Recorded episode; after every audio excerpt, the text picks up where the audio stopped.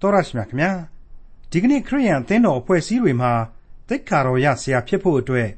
တိတ်ခါတော်ရဆရာဖြစ်ပြီးသားပုံကိုယ်တွေကအဲ့ဒီသူရဲ့အပေါ်မှာလက်တွေဝိုင်းတင်ပြီးဆူတောင်းပေးလိုက်တဲ့အခါမှာတော့အဲ့ဒီသူဟာတိတ်ခါတော်ရဆရာအဖြစ်တောင်းဝင်ပေါင်းဝင် ဖြစ်သွားရပါတယ်ဒီအခါအဲ့ဒီသူပေါ်မှာဝိုင်းပြီးလက်တင်ကြတဲ့ပုံကိုယ်တွေတိတ်ခါတော်ရဆရာသမားတွေရဲ့အဲ့ဒီသူပေါ်မှာရှိတဲ့တာဝန်ဟာဒီမှာတင်ပြီးဆုံးသွားပါသလား ကိုလက်တင်ဆူတောင်းပေးလိုက်လို့တိတ်ခါတော်ရဆရာဖြစ်သွားခဲ့သူတူရဲ့အကောင့်အဆိုးအကြောင်းအကျိုးပြုချင်းပြက်ချင်းဖြစ်သမျှအမှုရာတွေနဲ့ပတ်သက်လို့တည်တဲ့အထိတိုင်အောင်တာဝန်ရှိတယ်ဆိုတာကိုတွေ့ရမယ်ခရိယန်တမန်ကျမ်းရဲ့ဓမ္မသစ်ကျမ်းပိုင်းတွေကတိမောသေဩဝါဒစာဒုတိယဆောင်အခန်းကြီး1အခန်းငယ်1ကနေအခန်းငယ်9အထိကိုဒီကနေ့သင်သိရသောတမန်ကျမ်းအစီအစဉ်မှာလေ့လာမှာဖြစ်ပါတယ်ကြောက်တတ်တဲ့စိတ်ကို ဘုရားသခင်ပေးမထားဘူးဆိုပေမဲ့ကျွန်တော်တို့လူသားတွေမှာရှိနေကြတဲ့ကြောက်စိတ်ဟာဘာလဲဆိုတာနဲ့အတူတိမောသေဩဝါဒစာဒုတိယဆောင်အခန်းကြီး1အခန်းငယ်1ကနေအခန်းငယ်9အထိကိုဒေါက်တာထွန်းမြတ်အေးကအခုလိုခြုံငုံသုံးသပ်တင်ပြมาဖြစ်ပါတယ်ဒီအချိန်မှာကျွန်တော်တို့ဆက်လက်ကြားနာရမှာကတော့တိမောသေဩဝါဒစာဒုတိယစာဆောင်ရဲ့အခန်းကြီး1ပဲဖြစ်ပါတယ်ဒီအခန်းကြီး1ရဲ့အစအငယ်1ကဖော်ပြလိုက်ပုံကတော့အခုလိုဖြစ်ပါတယ် ယေရှုခရစ်၌တည်သောအသက်ကိုပေးမည်ဟုဂတိတော်နှင့်အညီဖျားသခင်အလိုတော်အားဖြင့်ယေရှုခရစ်တမန်တော်ဖြစ်သောငါပေါလုသည်ငါချစ်သားတိမောသေကိုကြားလိုက်ပါ၏အသက်ကိုပေးမည်ဟုသောဂတိတော်ရှိသည့်အားလျော်စွာဖျားသခင်အလိုတော်အားဖြင့်တဲ့တမန်တော်ကြီးဒါကိုအရေးကြီးထည့်သွင်းလိုက်ပါတယ်မိတ်ဆွေဖျားသခင်အလိုတော်တွေကိုပြည့်ညတ်တော်တွေကဖော်ပြနေသလိုပြည့်ညတ်တော်တွေအကုန်လုံးတို့ဟာလေ သူ့အလိုတော်ရှိလို့ပြည့်ညတ်တော်ဆိုပြီးဖြစ်လာတာပဲဆိုတာကိုပြီးခဲ့တဲ့တိမောသေဩဝါဒစာပထမစာဆောင်ရဲ့အစမှတုန်းကလေးကကျွန်တော်ရှင်းလင်းပြတ်သားစွာနားလည်ခဲ့ကြပြီးပါပြီအခုတိမောသေဩဝါဒစာဒုတိယစာဆောင်ဟာအလိုတော်အားဖြင့်ဤဩဝါဒကိုမှားကြားတယ်လို့ဆိုထားပါတယ်ပြီးခဲ့တဲ့တိမောသေဩဝါဒစာပထမစာဆောင်တုန်းကတော့ပြည့်ညတ်တော်အားဖြင့်လို့မှားကြားခြင်းဖြစ်တယ်ဆိုတာကိုတမန်တော်ကြီးသုံးဆွဲခဲ့ပါတယ် တိမောသေဩဝါဒစာပထမစာဆောင်ရဲ့အစပိုင်းကလေးကိုပြန်ပြီးတော့နားဆင်ကြည့်စီခြင်းပါတယ်ငါတို့ကိုကယ်တင်တော်မူသောအရှင်ဖျားသခင်နှင့်ငါတို့မျှော်လင့်ခြင်းအကြောင်းဖြစ်သောယေရှုခရစ်ပြည့်ညတ်တော်အားဖြင့်ထိုသခင်ဤတမန်တော်ဖြစ်သောငါပေါလုသည်ယုံကြည်ခြင်းအားဖြင့်ငါသားစစ်ဖြစ်သောတိမောသေကိုကြားလိုက်ပါ၏ငါတို့သခင်ယေရှုခရစ်နှင့်ငါတို့အဖကြီးဟုသောဖျားသခင်အထံတော်ကကျေးဇူးဂရုဏာငြိမ်သက်ခြင်းရှိပါစေသော အဲ့ဒီတိမောသေဩဝါဒစာပထမစာဆောင်အပိုင်းတုန်းကဆိုရင်တမန်တော်ကြီးဟာဘုရားသခင်အလိုတော်ကိုလိုက်နာဖို့အဋိဌံပြုထားတဲ့လူဒါပေမဲ့ဘုရားသခင်ကသူ့ကိုအလင်းနဲ့အုပ်ဖမ်းပြီးတော့အမိန့်တော်နဲ့တရားဝင်ပြန်တန်းထုတ်ပြန်ပြီးတော့ခိုင်းစေတဲ့အတွက်ကြောင့်သူဟာတမန်တော်တို့ရဲ့အမှုကိုဓာတ်ရိုက်ခန့်အပ်သောတာဝန်အဖြစ်နဲ့ထမ်းဆောင်ခဲ့ရတာပဲဆိုတာကိုတိမောသေမှအစအသင်းတော်နဲ့ယုံကြည်သူတွေအားလုံးကိုတမန်တော်ကြီးအနေနဲ့သိပြီးတော့သိစေခြင်းနဲ့ဒါကြောင့်မလို့ သူဟာဘုရားသခင်ရဲ့ပြည့်ညတ်တော်အရာတမန်တော်ပြုအပ်ခြင်းဖြစ်တယ်ဆိုတာကိုဖော်ပြခဲ့တဲ့အကြောင်းကိုကျွန်တော်ရှင်းဆိုခဲ့ပြီးဖြစ်ပါတယ်။တစ်ချိန်ကခရစ်တော်ရဲ့တပည့်တော်စည်ရင်မှမပါယုံသာမကသေးပဲနဲ့ခရစ်တော်ဆန့်ကျင်ရေးလုပ်ငန်းကြီးတွေကိုတောင်မှလုပ်ခဲ့ဘူးတဲ့သူ့အနေနဲ့အခုအချိန်မှာတော့မဟာပြောင်းလဲခြင်းနဲ့အတူသူ့ကိုစိတ်ချလက်ချတမန်တော်ကြီးအဖြစ်အသိအမှတ်ပြုဖို့လိုတယ်ဆိုတာကိုသူဟာသိစေခြင်းလို့အဲ့ဒီလိုကြီးညာလိုက်တဲ့သဘောပဲဆိုတာကိုလေကျွန်တော်ရှင်းလင်းဖော်ပြခဲ့ပြီးဖြစ်ပါတယ် မိတ်ဆွေအပေါင်းတို့အခုတိမောသေဩဝါဒစာဒုတိယစာဆောင်ကြတော့ပြည့်ညတ်တော်ဆိုတာကိုသူမသုံးတော့ဘူးအလိုတော်အားဖြင့်တဲ့အဲ့ဒီလိုပဲအလိုတော်ကိုသူသုံးပါလေပြီးတော့အသက်ကိုပေးမည်ဟူသောဂရိတော်ရှိသည်နှင့်အညီအဲ့ဒီအလိုတော်အတိုင်းဒီဩဝါဒကိုရေးလိုက်ရခြင်းဖြစ်ပါတယ်တဲ့မိတ်ဆွေအပေါင်းတို့သန်တူကြောင်းခွဲဆိုတဲ့မြန်မာစကားရှိပါတယ်အခုအချိန်မှာတော့အကြောင်းရင်းခံကစပြီးတော့မတူသလို အသံကကွဲတယ်လို့လေခံယူမယ်ဆိုရင်ခံယူနိုင်ပါတယ်ဟုတ်ပါတယ်အသက်ကိုပေးမည်သို့မဟုတ်သေခြင်းလောကရန်ကိုအောင်စေမည်တဲ့ဘု து အသက်လေဘု து အောင်မြင်ခြင်းလေဆိုတော့ခရစ်တော်၌တည်သည့်အသက်နှင့်ခရစ်တော်၌တည်သည့်အောင်မြင်ခြင်းပါပဲဒါကိုတမန်တော်ကြီးအထူးပြုဖော်ပြထားပါတယ်မိတ်ဆွေအပေါင်းတို့ဒီအချက်ကလေးဟာခရစ်တော်ကိုယုံကြည်မိဆိုလျင်ဆိုတဲ့လောကသားတို့ရဲ့တခုတည်းသောလိုအပ်ချက်ကိုဖော်ပြပေးနေပါတယ် ပေးစွန်းနိုင်သူကိုသာလက်ခံပြီးဆိုလျင်ဆိုတဲ့ကျေးဇူးတော်ရဲ့သဘောကိုဖော်ပြကြေညာပေးနေပါတယ်။ဒါကြောင့်မလို့တိမောသေဩဝါဒစာဒုတိယစာဆောင်အခန်းကြီး1အငယ်2ဟာအခုလိုတဖန်ဆက်လိုက်ပြန်ပါတယ်ငါတို့သခင်ယေရှုခရစ်နှင့်ခမည်းတော်ဖျားသခင်အထံတော်ကကျေးဇူးဂရုဏာငြိမ်သက်ခြင်းများရှိပါစေသောတဲ့ဂရုဏာဆိုတာထပ်ပြီးတော့ပါဝင်လာပြန်ပါပြီဒီတိမောသေဩဝါဒစာတွေမှာဒီဂယုဏဆိုတဲ့ဝေါ်ဟာရကို တမန်တော်ကြီးဟာဏိဒန်းပြိုးတဲ့အခါတိုင်းမှာထည့်သွင်းဖော်ပြတာကိုတွေ့ရပါတယ်။အခြားသောဩဝါဒဏိဒန်းတွေနဲ့မတူညီတဲ့သီးသန့်ဂုံပြုသောဝေါ်ဟာရလို့ကျွန်တော်ဆိုချင်ပါတယ်။ငါသားတိမောသေလို့ဆိုတဲ့အလွန်ယူရသောခေါ်သံနဲ့အလွန်ကိုက်ညီသောဖြစ်ဆွက်မှုဖြစ်တယ်လို့အဲ့ဒီဂယုဏတော်ကြောင့်သာတမန်တော်ကြီးဟာကယ်တင်ရှင်ယေရှုတော်ကိုခံယူခဲ့ရခြင်းဖြစ်တယ်။မိမိနဲ့ထိုက်တန်တဲ့အပြစ်အလျောက်ပေးဆက်ရခြင်းကိုသာဘုရားသခင်ကပေးမယ်ဆိုရင်တနည်းအားဖြင့် ဘုရားသခင်မှသာဂယုဏမရှိဘူးဆိုရင်မိမိရဲ့ဘဝဟာဖြင့်သွားပြီမုတ်ချပြည့်စည်ပြီဆိုတဲ့ခံစားချက်ကိုတမန်တော်ကြီးယင်ထဲမှာရှိနေတဲ့အကြောင်းနားလေထိတွေ့ရစေပါ रे တိမောသေဩဝါဒစာဒုတိယစာဆောင်အခန်းကြီး1အငယ်3မှ5သင်ဤမျက်ရည်ကိုငါအောက်မိသောအခါဝမ်းမြောက်ခြင်းနှင့်ပြည့်စုံမည်အကြောင်းသင်ကိုတွေ့မြင်ခြင်းဟာအလွန်လွန်းသောစိတ်ရှိသဖြင့်သင်ဤအဖွာလောဤ အမိဥနှိမ့်၌အရင်တည်သောယုံကြည်ခြင်းဒီဟုသောငါသဘောကျသည့်အတိုင်းသင်၌လည်းတည်သောယုံကြည်ခြင်းစစ်ကိုမှတ်မိသဖြင့်၎င်းနိညာမပြတ်ဆုတောင်းပတနာပြုသည်တွင်သင်ကိုမချမ်းမလတ်အောက်မေ့သည်ဖြစ်၍ငါဘူဘီကိုးကွယ်သည့်အတိုင်းကိုကိုကိုသိသောစိတ်စင်ကြယ်ခြင်းနှင့်တကွငါကိုးကွယ်သောဘုရားသခင်၏ကျေးဇူးတော်ကိုငါချီးမွမ်း၏မင်းမျက်ရည်ကြတာကိုငါအောက်မေ့မိပါ रे တဲ့ဟုတ်ပါလိမ့်မယ် အတိတ်ကာလမှာအတူတကွလက်တွဲပြီးအမှုတော်ဆောင်ခဲ့တဲ့အချိန်တွေမှာလူငယ်ကလေးတယောက်သာဖြစ်တဲ့တိမောသေဟာလောကရန်ဆင်းရဲခြင်းတွေကြောင့်မျက်ရည်ကျခဲ့ဘူးတာတွေ့ကိုတမန်တော်ကြီးရှင်ပေါလုအောက်မေ့မိလိမ့်မယ်အထူးသဖြင့်တမန်တော်ကြီးရှင်ပေါလုရဲ့ယောမထောင်တွင်သက်ဆင်းရပြန်ခြင်းနဲ့မပြန်လန်းကိုမြန်းတော့မဲ့အခြေအနေတွေကြောင့်ငိုကြွေးမိတာတွေကိုလေတမန်တော်ကြီးကြားရကောင်ကြားရလိမ့်မယ် ဘယ်လိုပဲဖြစ်ဖြစ်အဲ့ဒီလိုပူဆွေးတော့ကရောက်ရခြင်းတွေကြားတဲ့ကမင်းကိုငါဝမ်းမြောက်စေခြင်းလို့ပြောရအောင်မယ်ဆိုရင်တိမင်းကိုငါလွန်းဆွမှုနှစ်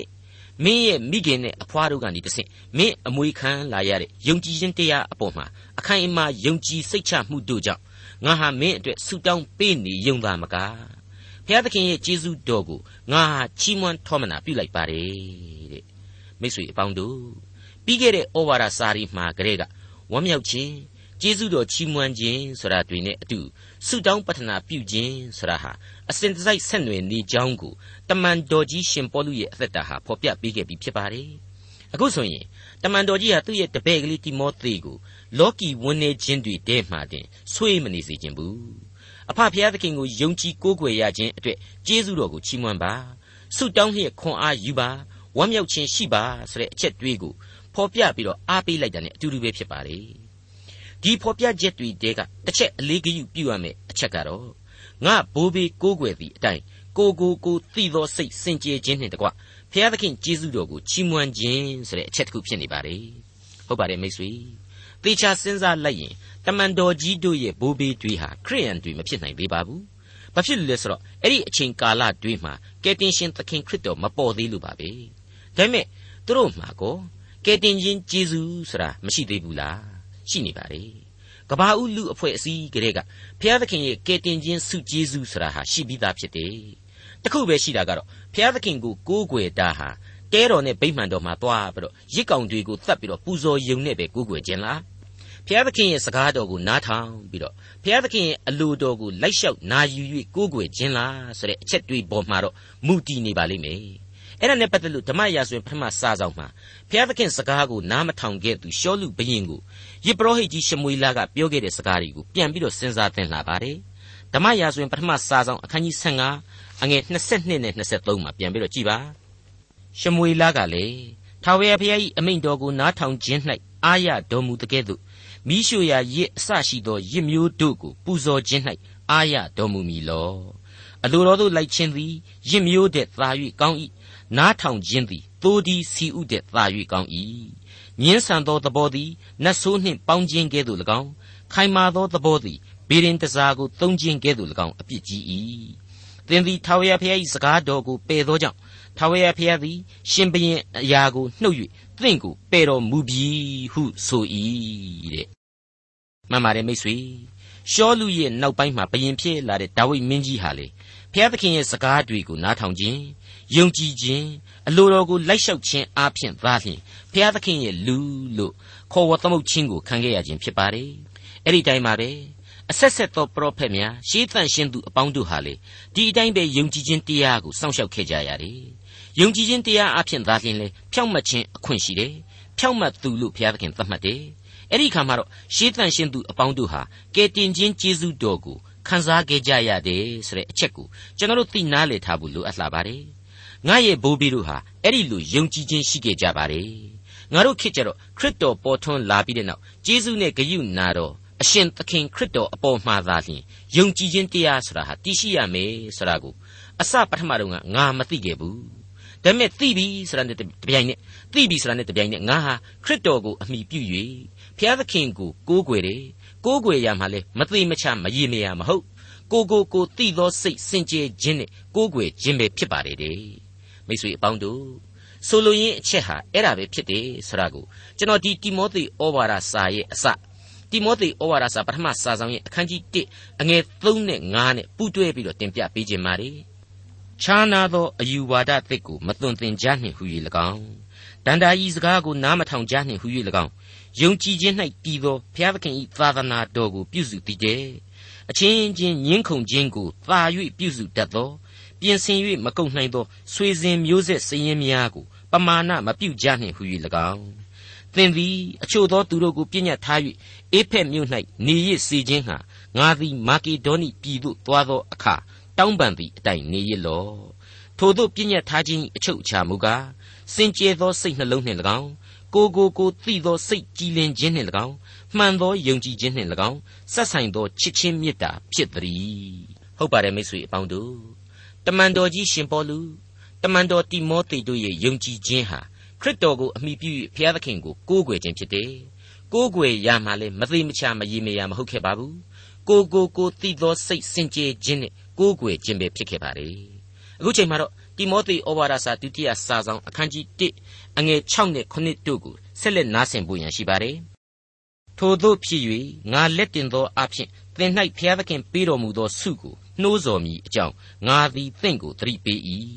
အကြောင်းမူကားဘုရားသခင်သည်ကြောက်တတ်သောစိတ်သဘောကိုငါတို့အားပေးတော်မူသည်မဟုတ်တကူပါသောစိတ်ချစ်တတ်သောစိတ်ရှင်းလင်းသောစိတ်သဘောကိုပေးတော်မူ၏တမန်တော်ကြီးရှင်ပေါလုဟာသူ့တပည့်ကလေးတိမောသေကိုချစ်တယ်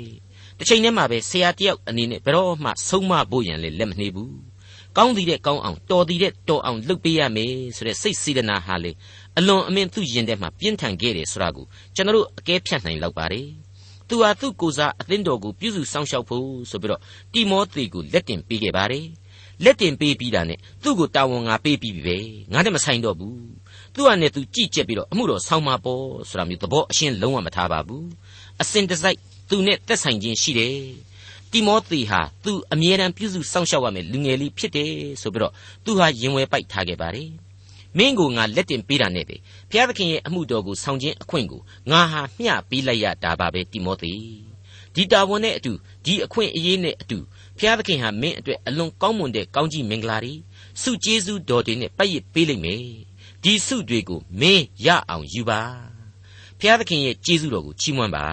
တဲ့မိတ်ဆွေများခင်ဗျာ အခုလိုတမန်တော်ကြီးပြောရခြင်းဟာလူတွေကလူသားဖြစ်တဲ့တိမောသေစိတ်အားငယ်နေတာဝန်းထဲကြေကွဲနေရတာသူ့ဆရာဖြစ်တဲ့ရှင်ပေါလုတယောက်တော့မကြခင်ကိစ္စများတော့မယ်အန္တရာယ်ရှိတော့မယ်ဆိုတာကိုသိပြီးတော့ခြောက်ခြားတုံလှုပ်နေတာတွေ့ကိုတမန်တော်ကြီးသိတဲ့အတွက်တမင်ရေးတာပဲဆိုတာရှင်းနေပါလေမှန်ပါတယ်အငယ်ခုနှစ်ကဆက်လိုက်တာကတော့အကြောင်းမူကားဘုရားသခင်သည်ကြောက်တတ်သောစိတ်သဘောကိုငါတို့အားပေးတော်မူသည်မဟုတ်တကိုးပါသောစိတ် ချစ်တတ်သောစိတ်ရှင်းလင်းသောစိတ်သဘောကိုပေးတော်မူ၏မိတ်ဆွေအပေါင်းတို့ခမညာကြောက်စိတ်ဆိုတဲ့ fear ဆိုတာကိုဘုရားသခင်မပေးပါဘူးဆိုတော့ကြောက်စိတ်တစ်ခုမဟုတ်တစ်ခုကိုခံစားရစမြဲဖြစ်တဲ့လူသားအနေနဲ့ဒီအချက်ကိုလက်သင့်မခံနိုင်စရာဖြစ်နိုင်တယ်လို့ကျွန်တော်တွေးပါတယ်။ဘာဖြစ်လို့လဲဆိုတော့ကြောက်တတ်ခြင်းစိတ်ဆိုတာဟာသိပ်ပြီးတော့အံ့ဩစရာကောင်းလို့ဖြစ်ပါလေ။ဥပမာဆိုရင်ကျွန်တော်ဟာငငယ်ကလေးကပိုးဟတ်ဆိုရင်သိပ်ပြီးတော့ကြောက်ပါလေ။အသေးရပါလေ။ ကာတွန်းဆရာကြီးဆရာကြီးဥအောင်ရှိန်ကျတော့အိမ်မြောင်ဆိုရင်ဘယ်လိုကြောက်မှမသိဘူးဒါကြောင့်ရဲစိတ်နဲ့အိမ်မြောင်ကိုနိုင်အောင်ဆိုပြီးတော့သူ့ကာတွန်းတွေမှာအိမ်မြောင်ပုံကလေးတွေကိုသူ့လက်မှတ်နဲ့ရောပြီးတော့တမင်ထည့်သွင်းဖော်ပြတာတဲ့အဲ့ဒီလိုသူကိုယ်တိုင်ဝန်ခံခဲ့ပါလေအဲ့ဒီတော့ကျွန်တော်ကပိုးဟတ်ဆရာကြီးအောင်ရှင်ကအိမ်မြောင်တချို့ကျတော့တီကောင်းတချို့ကျတော့ကြွက်စသည်စသဖြင့်ကြောက်တတ်သောစိတ်တွေဟာသဘာဝအသွေးအသားတည်းမှာရှိနေတာပဲ ဒါရီယာဘုရားသခင်ကသွင်းပေးတာမဟုတ်လို့ဘာလဲဆိုပြီးတော့ဇောရကတက်စရာတွေဒီအပိုင်းမှာအများကြီးရှိလာပါတယ်အခုတမန်တော်ကြီးဖော်ပြပေးလိုက်တဲ့ကြောက်တတ်သောစိတ်ဆရာဟာအဲ့ဒီစိတ်သဘောမျိုးကိုဆိုလိုခြင်းအရှင်မဟုတ်ပါဘူး cowardice လို့ခေါ်တဲ့သူရဲဘောကြောင်ခြင်းမဝတ်မရဲဖြစ်ခြင်းလို့ကျွန်တော်တို့ဒီနေရာမှာအတိတ်ပဲပြန်ဆိုနိုင်ပါတယ်ဒီတော့ဒီကျမ်းရဲ့ဆိုလိုရင်းကိုထပ်မံရေးသားဖော်ပြရမယ်ဆိုရင်တော့တရေဘောကြောင်တတ်တဲ့စိတ်ကိုဘုရားသခင်မပေးပါဘူးကွာတကိုးပါသောစိတ်ချစ်တတ်သောစိတ် ရှင်းလင်းသောစိတ်တွေကိုသာလျှင်ဘုရားသခင်မင်းကိုပေးတော်မူတယ်ဆိုတဲ့အဖြေဟာတိမောသေအတွက်ပေါ်ထွက်လာပါတယ်ရှင်းလင်းပြတ်သားလွန်နေပါတယ်သူရဲဘောကြောင်တဲ့စိတ်နဲ့တကိုးပါသောစိတ်ချစ်တတ်သောစိတ်ရှင်းလင်းသောစိတ်ဆိုတဲ့စိတ်ဓာတ်များဟာဆန့်ကျင်ပဲဖြစ်တယ်ဘုရားသခင်ရဲ့အမှုတော်ကိုဆောင်ရွက်ရတဲ့လူတစ်ယောက်ဟာဘုရားသခင်အလိုတော်နဲ့ညီညွတ်တဲ့အမှုတော်မှန်သမျှကိုလုပ်ကိုလုပ်ရလိမ့်မယ်ယုံကြည်ခြင်းနဲ့အစစအရာရာကိုဖြတ်ကျော်ရမယ် စိတ်အလိုကိုမလိုက်ရဘူးဆိုတဲ့သဘောတရားတွေဒီအပိုင်းမှာပါဝင်လာပါတယ်ဒီအကြောင်းတွေကိုတည်တည်ချာတွေးဆမယ်ဆိုရင်အဖြေဟာရှင်းလင်းနေပါတယ်ဒေါက်တာရှဝိုင်ဇာတို့ဒေါက်တာလီဗင်းစတုန်းတို့လိုပုဂ္ဂိုလ်ကြီးတွေဟာအာဖရိကတိုက်တောကြီးမြက်မဲတဲကိုတွားရောက်ပြီးတော့အမှုတော်ကိုဆောင်ခဲ့ကြပါတယ်သူတို့မကြောက်ဖဲဘယ်နည်းနဲ့မှမနေပါဘူးအာဖရိကတောကြီးမြက်မဲတဲကယောဂဗျာတွေအကောင်ပလောင်တွေလူရိုင်းတွေ အယူသီးမှုတွေကြားထဲမှာခေါင်းပြုတ်နိုင်တာကိုသူတို့ကြိုပြီးတော့သိထားတဲ့အတွက်အသက်ကိုဖက်နဲ့ထုတ်ပြီးတော့သာသနာပြုရတာဟာကြောက်စရာအတိဖြစ်မှန်းကိုသူတို့သိကိုသိမယ်ကြောက်လဲသူတို့ကြောက်ကိုကြောက်ကြလိမ့်မယ်လို့ကျွန်တော်တို့ရဲရဲကြီးပြောနိုင်ပါတယ်ဒါပေမဲ့အဲ့ဒီကြောက်မဲ့ဖွယ်အရာတွေသွေးပြက်ဖွယ်အကြောင်းတရားတွေကိုကြော်လွှားလွန်မြောက်ဖို့သူတို့မှာခွန်အားတတ်တည်ပြီးရှိခဲ့ကြတယ်အဲ့ဒါတွေကတော့တကိုးပါသောစိတ်လူသားတို့ကိုချစ်သောမေတ္တာသဘောနဲ့ရှင်းလင်းသောစိတ်ဓာတ်တွေပါပဲ ကျွန်တော်သင်သိရသောသမာကျမ်းရဲ့မူရင်းစာရေးဆရာကြီးဒေါက်တာဂျေဗန်မက်ဂီကိုတိုင်ဟာဒီအချက်ကိုသူ့လက်တွေ့ဘဝသင်ခန်းစာများနဲ့ပုံမနားလည်ခဲ့ရပါကြောင်းကိုသူ့ဆောင်းပါးတစ်ခုမှာဖော်ပြထားတာရှိပါတယ်သူဟာအီဂျစ်နိုင်ငံကိုင်ရိုကိုငငယ်တုန်းကတခါသွားခဲ့ရဘူးတော့လမ်းမှာသူ့ရဲ့လီရင်ဟာလေမုန်တိုင်းမိပြီးတော့ဒုက္ခရောက်ခဲ့ရဘူးတဲ့ကိုင်ရိုကိုရောက်တော့လေနေမကောင်းထိုင်မသာဖြစ်ရတယ်ယာဒီဥရုကအစကိုင်ရိုနဲ့ပတ်သက်တဲ့ယာဒီဥရုကို तू မကြိုက်ဘူး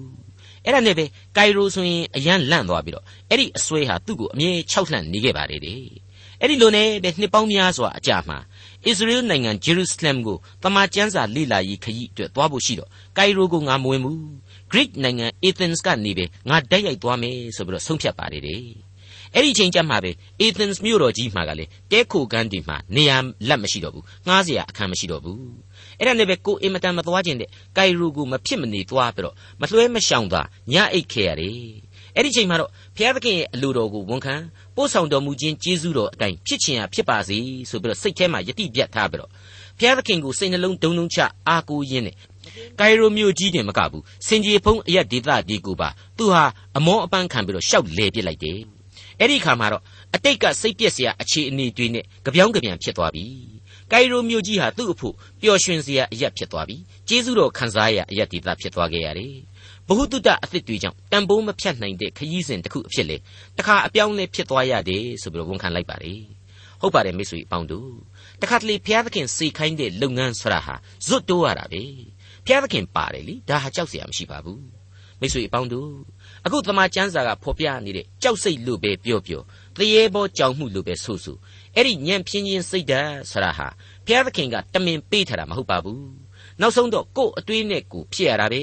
ကို့အလိုဆန္ဒကလေးတွေစိတ်လှုပ်ရှားခြင်းအရာတွေအပေါ်မှာမထိမ့်မချုပ်နိုင်ခြင်းပဲဒါတွေကိုလူသားဟာတွန်းလှန်နိုင်စွမ်းရှိရမယ်တွန်းလှန်နိုင်ဖို့ရန်အတွက်လေဘုရားသခင်ဟာစွန့်အားတတ်တီကိုပေးနေတယ်အဲ့ဒါတွေကတော့တကိုးပါသောစိတ်ချစ်တတ်သောစိတ်နဲ့ရှင်းလင်းသောစိတ်တို့ပဲဖြစ်တဲ့အကြောင်းကိုတိမောသေဩဝါဒစာမှတဆင့်တမန်တော်ကြီးသတိပေးလိုက်ပါတယ် ရှင်းလင်းသောစိတ်ဆိုတာကတော့ကျွန်တော်အခါခါကြားခဲ့ရပြီးဖြစ်တဲ့ကြားခဲ့ရပြီးဖြစ်တဲ့ကိုကိုကိုသိသောစိတ်ကြည်လင်ခြင်းပဲဖြစ်ပါတယ်